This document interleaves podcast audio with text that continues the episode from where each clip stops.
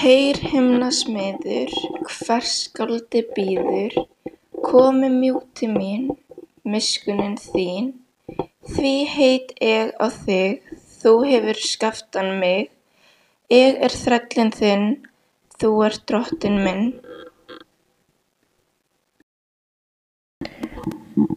Agnesar saga tilheyrir bókmenntagrein sögum heilagra manna.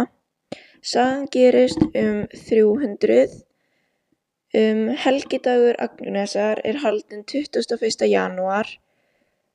Um Agnes var þrettán ára gömul þegar greifasonurinn bað hennar. Uh, en Agnes vildi ekki giftast greifasyninum af því hún unni öðrum manni en það var Jesús Kristur.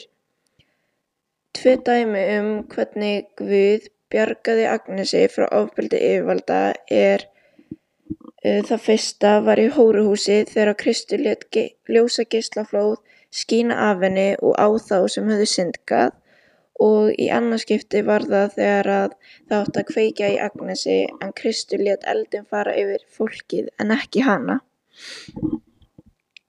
En Agnes deyr loks þegar að Aspasíus dómari stingur hann í brjóstið.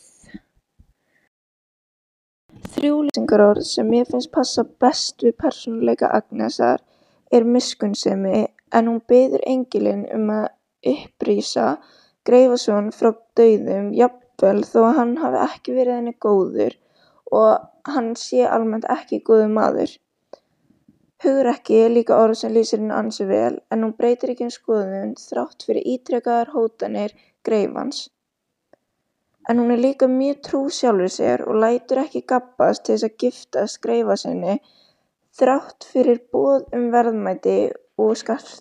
um. Eftir dauða Agnesar var hún grafin og sagt var að fólk sem fór að gröfinni hennar og bað til Guðs fengi heilsuna sína aftur og þótti það mikið kraftaverk.